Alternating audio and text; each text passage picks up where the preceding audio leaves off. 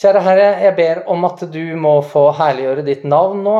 Jeg ber om at eh, jeg ikke står i veien for ditt ord, men at ditt ord kan få lov til å tale og gjøre sin gjerning i våre liv, i våre hjerter, i den uka som ligger foran. Herre, det ber jeg om i Jesu navn. Amen.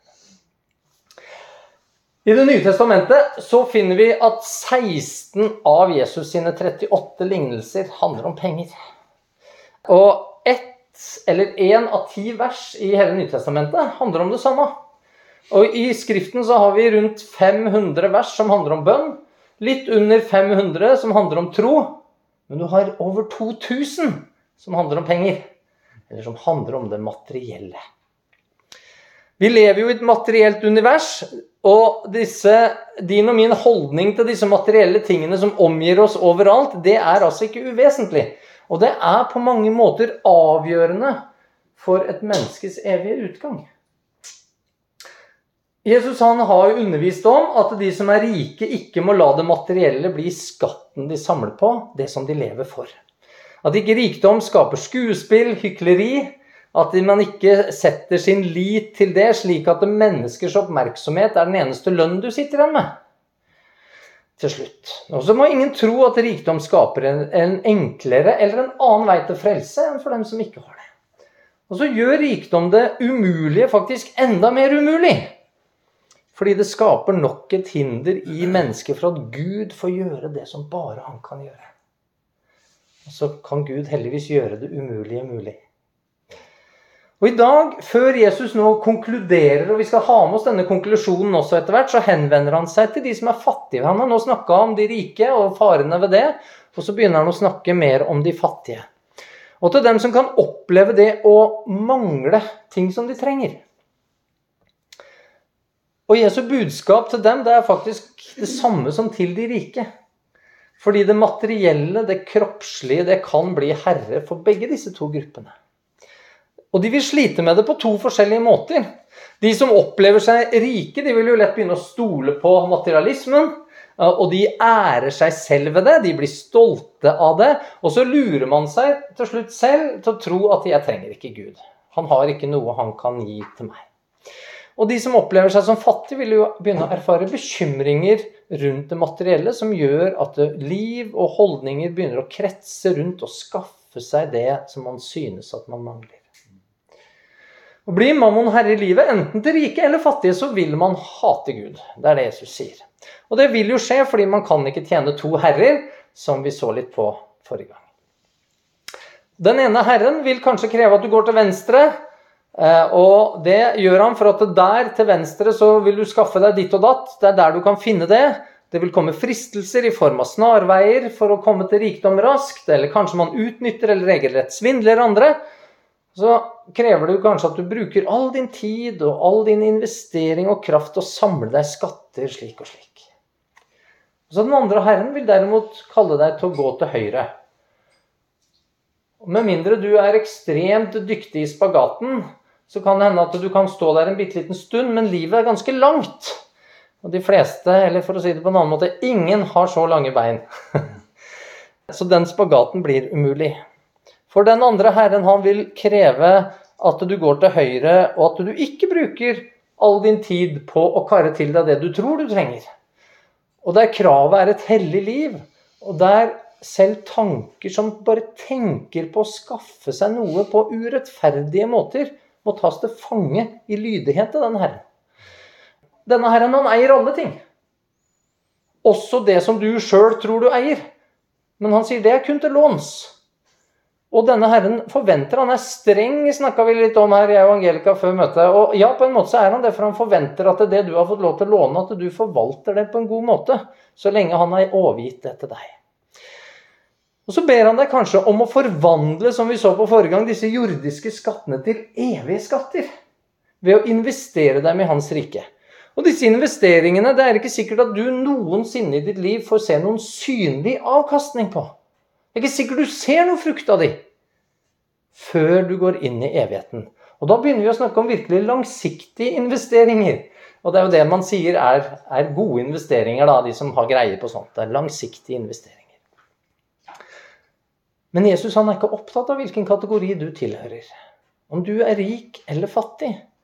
Fordi det har ingenting å si i forhold til din verdi. I forhold til om du er elska. I forhold til ditt forhold til Jesus. I forhold til din plass i menigheten har det ingenting å si.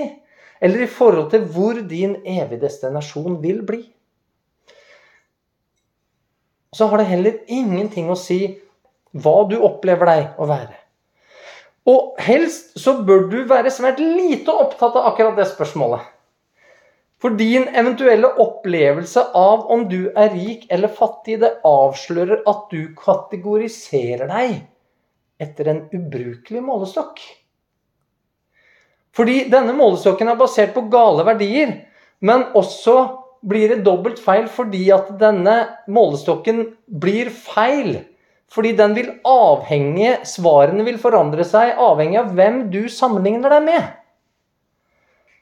Og I tillegg til det så vil denne målestokken variere over tid. Så den er ja, flyttbar på alle måter. Den materielle målestokken den er altså subjektiv. Og den kan altså aldri gi rett svar. Bruker man den, så er det hjertets verdier som mer enn noe annet avsløres. Du klarer egentlig ikke å måle skikkelige verdier med den i det hele tatt, men du måler ganske godt, eller du tar i hvert fall ganske godt temperaturen på hjertets verdier. For må, materiell målbarhet er som vi har sett på tidligere når Jesus snakka om at vi ikke måtte samle oss skatter på jorda, det er skjørbare saker. En kan sitte på en stor eiendom i byen og føle seg rik, en kan sitte på mange aksjer, men så forandrer tidene seg. Og så er det plutselig han derre litt snåle fyren der eh, rett utafor byen som sitter på småbruket sitt med noen kyr og, og, noen griser og noen høns, som plutselig er den rikeste, for han har nå tross alt mat. Den flyktige sannheten om deg som hører på, er kanskje at du er fattigere enn mange, men rikere enn de fleste. Hva er du da egentlig? Er du rik, eller er du fattig? Vel, sannheten som Bibelen vitner om, er altså at svaret på det spørsmålet har ingenting å si. Det betyr ingenting. Dine følelser og opplevelser rundt dette eier altså ingen definerende makt. Og Skulle du likevel være opptatt av svaret, opptatt av å plassere deg på en slik ubrukelig målestokk, så avslører det enten at du jager etter materielle ting, eller at du har plassert din ære i det du eier og har. Og den som vil bygge livet på sannhet, vil måtte måle seg etter en målestokk som gir riktige svar. En objektiv standard som baseres på urokkelige verdier, og som er uavhengig av skiftende tider. Som altså ikke påvirkes av tid. Og det finnes da bare én sammenligning, bare én målestokk på rikdom og fattigdom, og det er Gud. Fordi den verdi han representerer, den vil aldri ta slutt. Det, det er på mange måter den, den egentlige gullstandarden. det er den egentlige gullstandarden, fordi det finnes ikke noe kongevann som altså kan ødelegge kongenes konge og den verdi som hans rike har. Og Målt opp imot denne målestokken så er sannheten om alle mennesker til alle tider, enten du hører på dette nå eller ikke, det er at du i deg selv er svært fattig. Og det er du fordi alle har syndet og står uten ære for Gud, som Romerne 3 snakker om. Ingen har i seg selv eller ved sitt eget arbeid noen del i den eneste rikdommen som aldri vil få gå, og som aldri vil ta slutt. Og Derfor er det altså Jesus starter denne undervisningen med denne grunnleggende sannheten. Han sier at alle dem som har innsett dette, er lykkelige. Salig er de fattige. Den første talen vi hadde her fra Bergprekenen, den er så grunnleggende at det er der han begynner. Og kanskje forstår du nå hvorfor han begynner der. Ja, de er Salige er de fattige, enten de er mye eller lite materielt. De er salige fordi de ikke måler seg etter en subjektiv og ubrukelig målestokk, men ser sin egen fattigdom i forhold til Gud, og dermed venner seg til Han for å få det de trenger. Og Slike vil da begynne å erfare at de er de rikeste på jord. Og den opplevelsen kommer jo av hvem som er blitt deres herre. Hvem sin rikdom de har fått del i. Hvem de har fått arverett til. Derfor, til deg som har Gud til herre, sier jeg dere, vær ikke bekymret for livet. Hva dere skal ete, og hva dere skal drikke. Heller ikke for legeme, hva dere skal kle dere med. Er ikke livet mer enn maten, og legemet mer enn klærne? Du skal altså ikke være bekymret. Og så kommer Jesus her med et bud, ikke med et forslag. Du skal ikke. Grunnen til at Jesus kan gi et slikt bud, er jo nettopp pga. det vi nå har sett på. At Jesus knytter dette opp imot en objektiv sannhet. Noe som er sant uansett hva du føler og mener. En evig verdi og ikke subjektive opplevelser om døde og forgjengelige ting. Og mange kan jo oppleve bud som strengt. Med en gang vi opplever å, få bud retta mot oss, så kan vi oppleve at det er en byrde, det er nok en ting vi må bære. Det er noe vi må prestere. Og den som umiddelbart tenker slik, tror jeg ikke kjenner Gud. Opplever du det slik da likevel? så må du gjerne be om det samme som forfatteren eh, av Salme 119 ber om. Han ber 'Opplatt mine øyne, så jeg kan skue de underfulle ting i din lov'. At jeg kan få se at dine bud er gode. Det er det han ber om. Er det et godt bud Jesus kommer med her? Bekymring er noe av det mest ødeleggende både fysisk og psykisk et menneske kan oppleve. Bekymringer kan bli så dominerende at de opptar all plass i våre tanker. Det blir helt dominerende, og det fører, kan føre med seg da angst og depresjon om man gir bekymringer rom til å vokse. Og blir det slik, så setter det oss etter hvert også ute av stand til å makte fysiske oppgaver. En blir altså handlingslamma. Det har jeg kjent på sjøl noen ganger. Det bryter ned selve kroppen. Dere kan bare høre hva et stort internasjonalt nettsted om helse beskriver som fysiske reaksjoner som kommer av bekymring. En ganske lang liste. Problemer med å svelge. Svimmelhet. Tørr munn. Hurtig hjerterytme. Trøtthet. Hodepine. Konsentrasjonsvansker. Irritabelhet. Muskelspenninger. Muskelsmerter. Kvalme. Hurtig åndedrett kortpustethet, svette, skjelvinger, rykninger og rastløshet. Det dekker eh, brukbart mange mange ting, må man kunne si. Og tar man altså ikke tak i disse tankene når bekymringene kommer, og får slike fysiske hva skal vi si, indikatorer i våre liv, så vil dette utvikle seg videre. Og da skriver dette nettstedet videre da får man undertrykkelse av immunsystemet. Fordøyelsessykdommer korttidssvikt i hukommelsen, prematurt, eller altså for tidlig koronar arteriesykdom. Her må man høre med Tor Christian for å få dette her på plass. Men det handler da om at arteriene gjerne blir for trange. Som til slutt medfører hjerteinfarkt og død.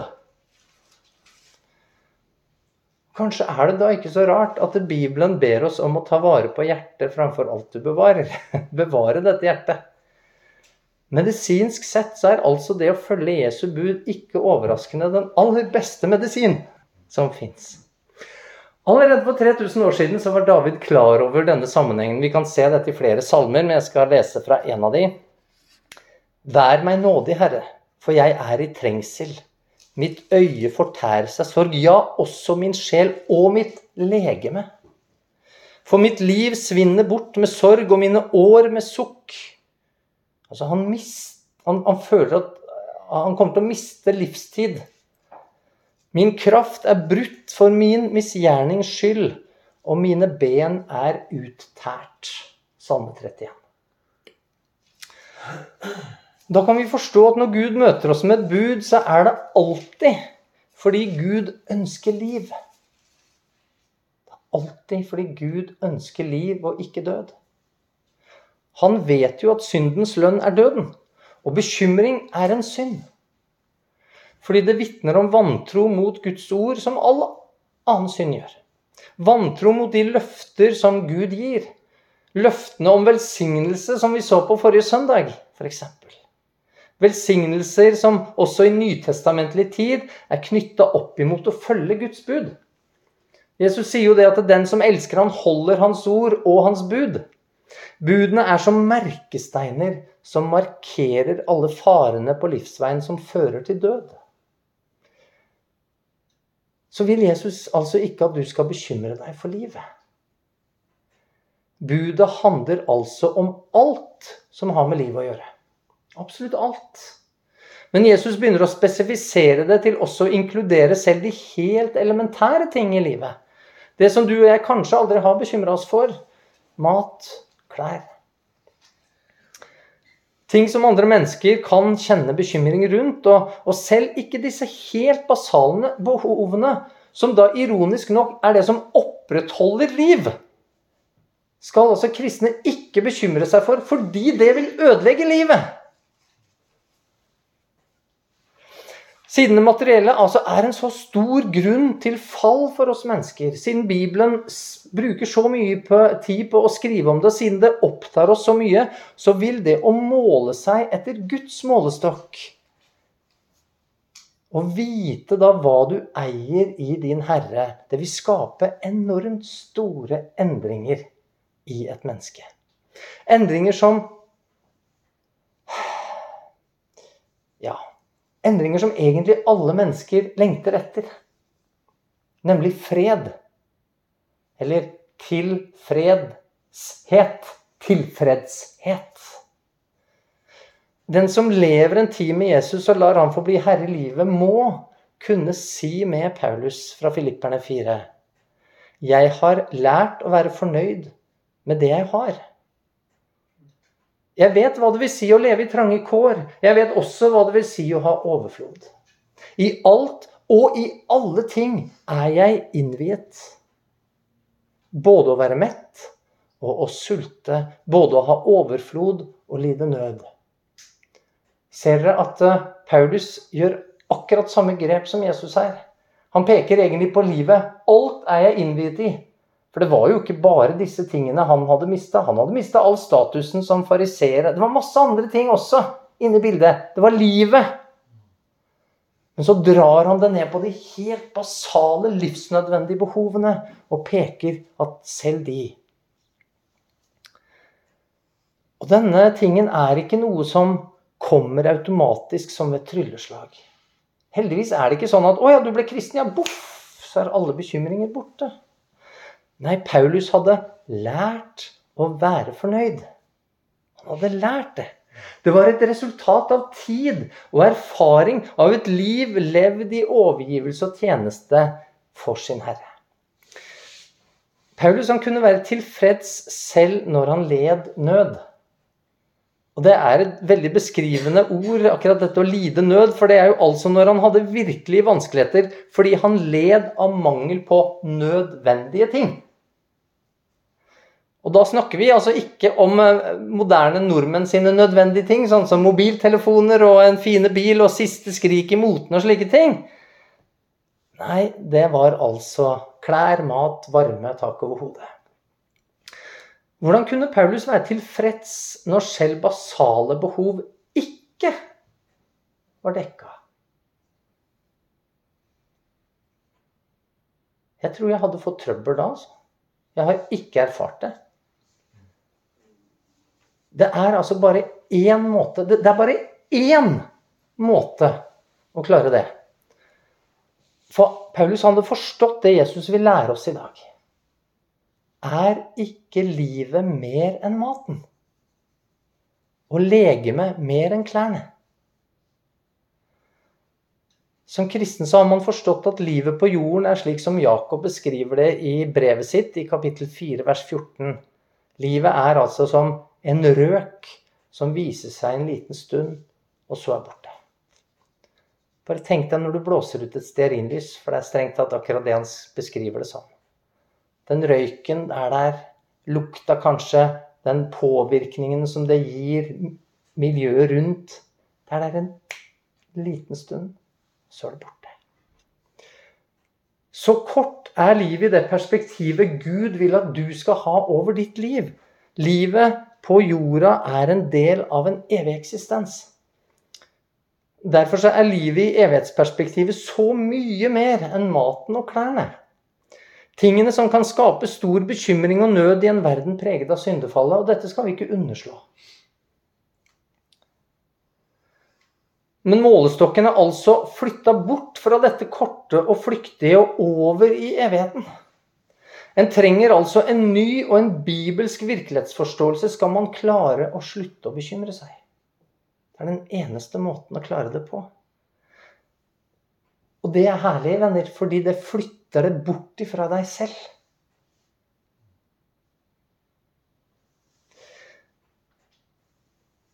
Samtidig så ser vi spor av den evige Guds godhet også i skaperverket rundt oss, selv slik det fungerer etter syndefallet. Så Jesus han sier, 'Se på fuglene under himmelen'. Ikke sår de, ikke høster de, ikke samler de i hus, men deres far i himmelen gir dem føde. Er ikke dere langt mer verdt enn de? Nå leste jeg nettopp uka som gikk, da, om en skadedyrbekjemper som ble tilkalt til et hus i USA fordi at eh, det begynte å komme eh, larver ut av veggen. Det er ikke et godt tegn, vet jeg som huseier. Det, det er ikke så bra. Når denne skadedyrbekjemperen slo hull på denne veggen, vet dere hva som kom, kom ut? Det kom ut 300 kilo med eikenøtter!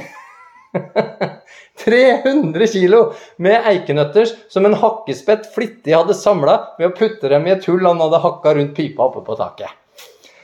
Han samla altså litt i hus, denne hakkespetten, da, kan man si. Det var riktignok ikke denne hakkespettens hus, men Åpenbart hadde han noe tro på det. Jesus bruker altså et bilde her, og vi forstår hva han prøver å lære oss. Så ingen bilder er 100% perfekte på den måten. Men han vitner om Guds omsorg, Jesus. Her i Norge så tenker vi gjerne på fuglene om vinteren. Eh, og mange viser stor omsorg for dem, og de henger ut kornbånd og annen mat. Og slik er det også at Gud tar vare på mennesker som kan stå fast i livets vinter. Han kan bruke andre av sine barn for å mette og kle dem. Og det er jo også et bud han gir oss. Men Jesus han taler ikke i vinterkalde Norge. Han står i Galilea, her på fjellet. Og Galilea det er rene Gardermoen for fugler. Litt nord for der Jesus talte, så ligger Huladalen. Det er en veldig kjent plass for fugletittere. Jeg kjenner en sånn. De er ganske Ja, de er, de, de er interessert i det de driver på med, for å si det sånn. Eh, og her kommer altså eh, samles det trekkfugler da, i denne Huladalen som kommer fra Europa, Asia skal til Afrika, og da motsatt vei når de skal andre veien. Og Det kommer rundt 400 arter dit, eh, og de kommer dit i titusenvis. Og alle vi som sitter her, vil forstå at det er veldig lite lurt av de trekkfuglene å lagre nøtter i Galilea, når det ikke er deres virkelige hjem, og de likevel skal reise videre.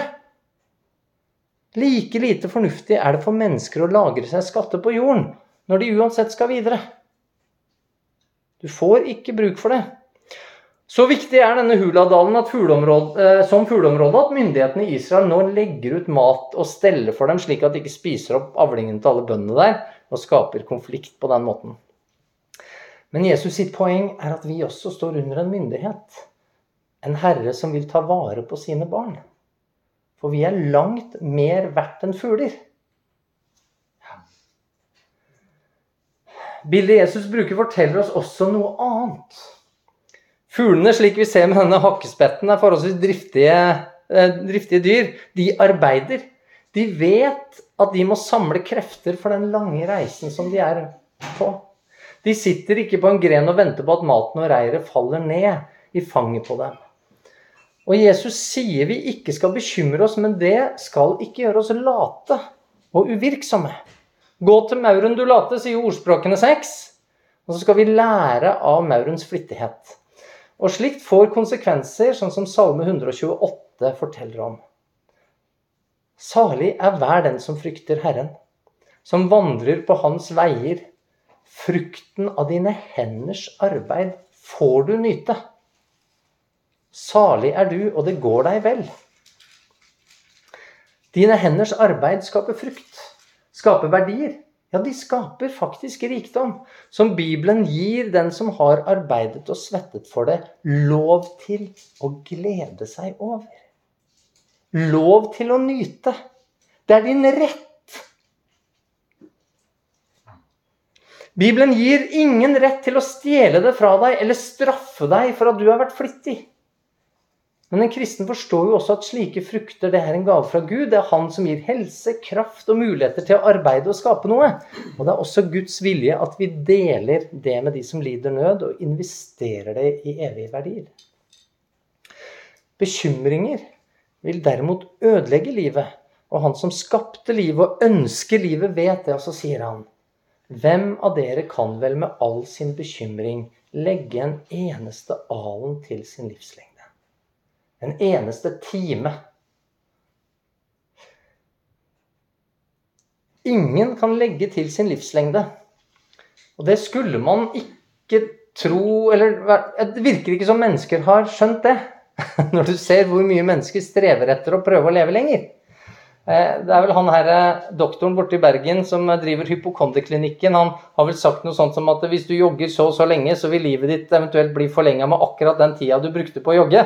Så hvis du skal forlenge livet slik, så må du i hvert fall like å jogge. han, har godt, han, har et godt, poeng. Eh, men Bibelen sier at du kan ikke legge til din livslengde. Ikke med all din bekymring, men du kan trekke ifra. Du kan trekke ifra. Og bekymring er altså en veldig effektiv livslengdetyv. Ikke bare det, men den tar jo også bort kvaliteten på det som blir igjen av livslengden. Den altså ødelegger i begge ender. Og dette forstår du, men likevel så kjenner du kanskje på bekymring. Kanskje er det innimellom. Hvorfor? Ja, sier Jesus, hvorfor er dere bekymret for klærne? Legg merke til liljene på marken, hvordan de vokser. De strever ikke og spinner ikke, men jeg sier dere, selv ikke Salomo i all sin prakt var kledd som en av dem. Men kler Gud slik gresset på marken, det som står i dag, og i morgen kastes i ovnen, skal han da ikke mye mer kle dere, dere lite troende. Det alvorlige på en måte i dagens tekst, det er i spørsmålet hvorfor kjenner du på bekymring? Vi har allerede sett at bekymring er synd, og at synd alltid er forbundet med vantro. Og det er Jesus sitt poeng her. Bekymring avslører liten tro. Men sier du kanskje Jeg, jeg, jeg tror 100% på at Jesus sto opp fra de døde. Hvordan i all verden skal jeg kunne klare å tro noe mer? Så sier Hebreerne 11.: Men tro er full visshet om det en håper. Overbevisning om ting en ikke ser. Jesu døde oppstandelse er jo sentral i den kristne tro. Men det er en historisk realitet. Det er ikke noe en kristen går rundt og håper at har skjedd. Det kristne håpet er knyttet til det evige livet i Guds nærhet. En overbevisning om en virkelighet som både i tid og herlighet langt overgår det du kan se nå. Det er denne overbevisningen som gjorde Paulus tilfreds. Og det er dette Jesus også peker på her. Legg merke til blomstene og gresset. Det som bare eksisterer en veldig kort tid, og deretter visner. Ja, Jesus snakker om at gresset som et bilde på jorden i morgen, altså i fremtiden, skal kastes i ilden. Peter skriver det jo på denne måten. Den jord som nå er, er ved det samme Guds ord spart til ilden. Når Gud kler gresset flottere enn selv Salomo, hvordan skal han da kle oss?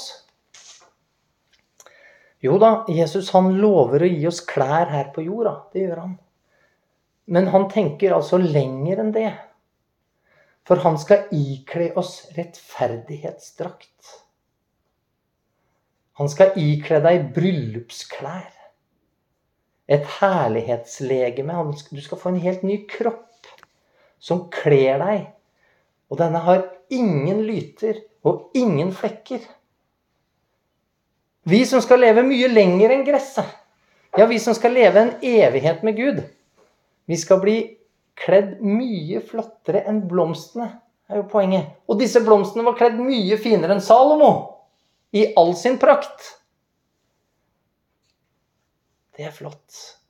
I disse nye klærne så skal vi få prise Gud for den godhet han viste mot sine barn, også i den korte tiden som man levde på jorda. Fordi troen er full visshet om Guds godhet, slik den har vist seg fra skapelsen, gjennom Hans bud, gjennom frelsen, gjennom livet, og vil fortsette å vise seg i dommen og inn i evigheten. Vær derfor ikke bekymret og si hva skal vi ete? Hva skal vi drikke? Eller hva skal vi kle oss med? Og så er jo mitt store ønske for deg som hører på, er at du får se denne Guds godhet. At du får løfte blikket og, og se inn i det evige. Og så er det samtidig min store sorg at jeg opplever det som at veldig mange som kaller seg kristne i Norge i dag, ikke ser dette. De, de ser en Gud fra Skapelsen som har altså brukt lidelse, sykdom, katastrofer og død i millioner av år. De ser verdens ondskap, og de makter ikke å forene det med Guds godhet. Fordi at syndefallet, slik som de ser på det, har egentlig ikke hatt noen reelle konsekvenser. De opplever derfor Guds bud som livsbegrensende og onde. Bud og skaperordninger de gjerne vil fri seg fra. Gud er ond om ikke frelsen gjelder alle. Han er ond om det finnes urettferdighet i verden, at noen får nyte sine henders verk. Gud er ond dersom han dømmer rettferdig, ond dersom han lar mennesker få tilbringe evigheten der de ønsker å være. Ond om han ikke slipper den urett som de kaller godt, inn i himmelen. Ond om Gud ikke slutter å eksistere i form av den hellighet som hans vesen er ond om han ikke lar seg omskape i falne menneskers skikkelse. Mennesker som tenker slik, de tilpasser derfor sin teologi for å passe med en tro som ikke kan ha full visshet om håp man eier. Og grunnen er at en slik tro mangler forankring fra virkeligheten. Troen har ikke fått endre slikes virkelighetsforståelse. Og når kristen tro ikke forandrer dette, da vil frukten av en slik tro begynne å bli synlig. Den kommer gradvis. Men mennesker som tror at Jesus sto opp fra de døde, de vil begynne å bekymre seg. De vil begynne å bekymre seg for antall mennesker på jorda. For det er mennesker som trenger mat, vann og klær. Og så sier de hva, hva skal vi ete? Og hva skal vi drikke? Og hva skal vi kle alle disse folka med? De, de bekymrer seg for budene. De bekymrer seg for Guds image, for dommen, for klima, for naturressurser, for krig, for egen helse og for sykdom. De er ikke tilfredse enten de er lite eller mye. Det blir liksom gærent uansett. Du, du, du, du kan ikke godta at, at noen kan nyte sine henders verk. De kan ikke godta lide nød, slik som Paulus. Og stadig flere synes å makte lite med sine hender, slik det gjerne blir når bekymringer tar overhånd. Og De blir opptatt av det materielle, bekymret for ulik materiell velstand. De begynner altså å måle all verdi etter en målestokk som ikke fungerer. De blir bekymra for materielle mangler. Gudstjenesten og kirkene blir mer opptatt av sosial likhet, raser, seksualitet, miljøvern enn evangeliet til omvendelse og syndenes forlatelse.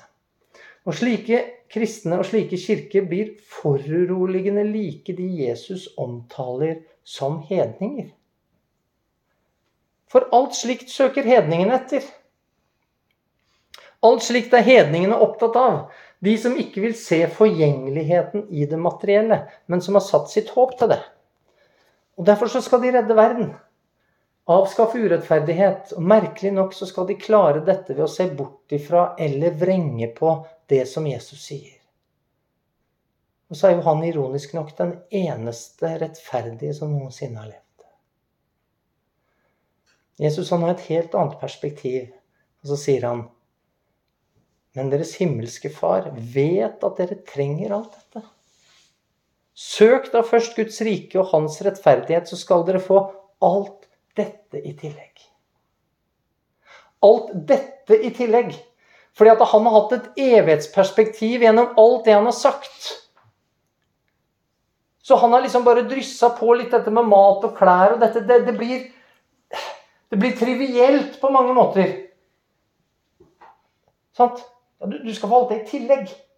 Det er nesten som et ekko av skapelsesberetningen, hvor de største tingene i universet, som stjernene og alt det Og han skapte stjernene også. Som en sånn liten sånn etterpåtanke. En liten parentes i det fantastiske han har gjort med jorda og alt det som har med det å gjøre. Og så kommer alt dette uendelige universet som en sånn liten greie. Ja, du skal få alt dette i tillegg. Alt, alt det. Alt det, alt det trivielle, alt det som ikke betyr så mye. Det skal du få òg. Fordi Gud vet om alt vi trenger. Det betyr ikke at han ikke vil la oss kunne lide under mangel av nødvendige ting en periode. Også under mangel av fred. Men Gud vet at de fattige de vil vi alltid ha hos oss. Han vet om urettferdighet. Han vet om hva som skader miljøet. Han kjenner menneskers forskjellige evner og muligheter. Han vet at han vil opprettholde årstidene, sola og regnet. Og først og fremst så vet han at denne verdens historie bare varer en kort stund. Men det er jo ikke det mennesker tror. For mennesker tror at denne verdens historie har vart i milliarder av år. Og det er ingen som kan klare å overbevise et menneske om at det er en kort stund.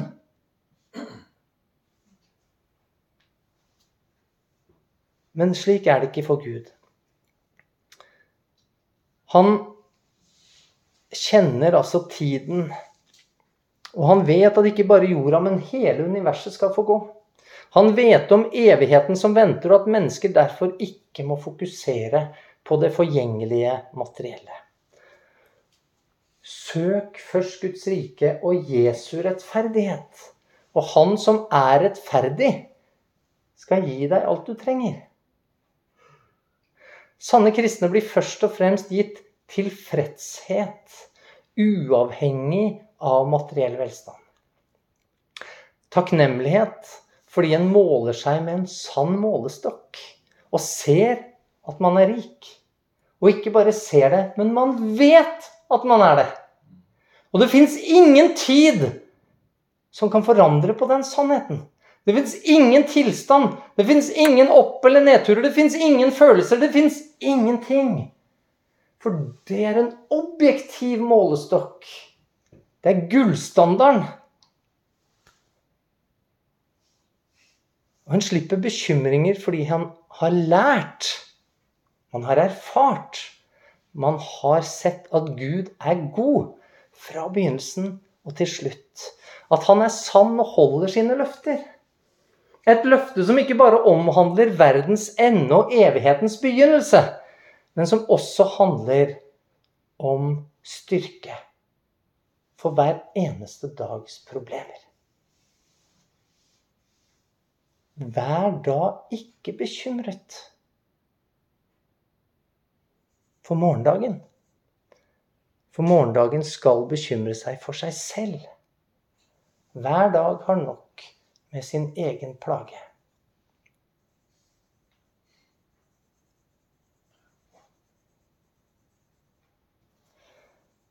Kjære Herre, vi takker deg for ditt ord til oss. Og så byr du oss i dag igjen og igjen og igjen og sier, vær ikke bekymret. Og så har du prøvd, Herre Jesus, å løfte vårt blikk ut ifra en forgjengelig del av virkeligheten og over i den uforgjengelige delen av den sanne virkelighet. Og i det lyset, i det perspektivet, Herre, i målestokken som du representerer, så finnes det ingen grunn til bekymring. Og selv de tingene som da er trivielle på den måten, som omhandler ting her nede, det har du sagt at vi skal få også i tillegg til alle de mye større tingene som du vil kle oss med. Til den mye bedre maten som du vil gi oss. For livet er ikke bare brød, men hvert ord som går ut av din munn. Herre, hjelp oss å ta til oss av den maten. Hjelp oss å kle oss i rettferdighetsdrakt, slik at bekymringene våre kunne få bli lagt på deg og bli fjerna fra oss like langt som øst er fra vest. Det ber vi om i Jesu navn. Amen.